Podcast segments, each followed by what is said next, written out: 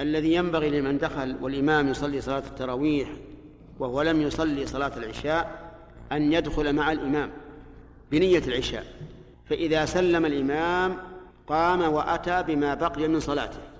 وقد نص الإمام أحمد رحمه الله على هذا وقال يصلي معهم التراويح بنية العشاء.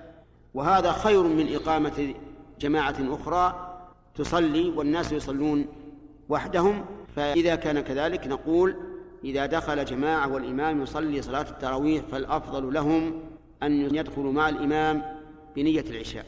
أما لو شرع الإنسان في صلاة العشاء ثم في أثناء الصلاة يعني شرع جماعة في صلاة العشاء وفي أثناء الصلاة كبر الإمام للتراويح فهنا نقول امضوا في صلاتكم لأنكم شرعتم في صلاة واجبة فلا تنصرفوا منها.